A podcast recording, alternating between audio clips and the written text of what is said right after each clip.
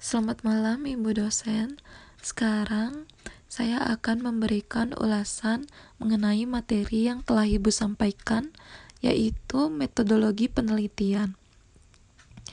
Sekarang yang saya akan ulas yaitu dari salah satu macam-macam implementasi kebijakan dari teori George C. Edward III.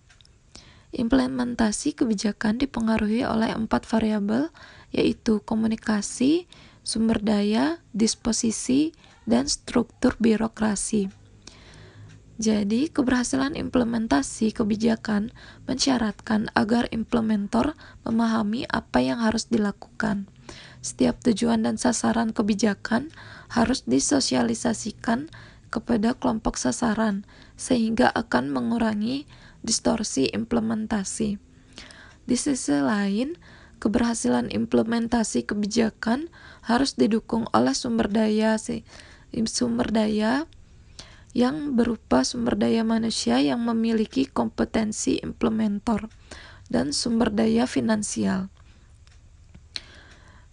Adapun sumber daya manusia harus memiliki watak dan karakter seperti komitmen, kejujuran, sifat demokratis, dan lain-lain. Apabila implementer memiliki watak dan karakteristik yang baik, ia akan dapat menjalankan kebijakan dengan baik. Selain hal tersebut, keberhasilan implementasi kebijakan harus didukung oleh struktur birokrasi yang baik.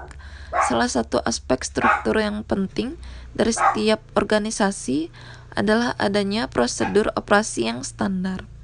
Standar inilah yang menjadi pedoman bagi setiap implementer dalam bertindak. Terima kasih.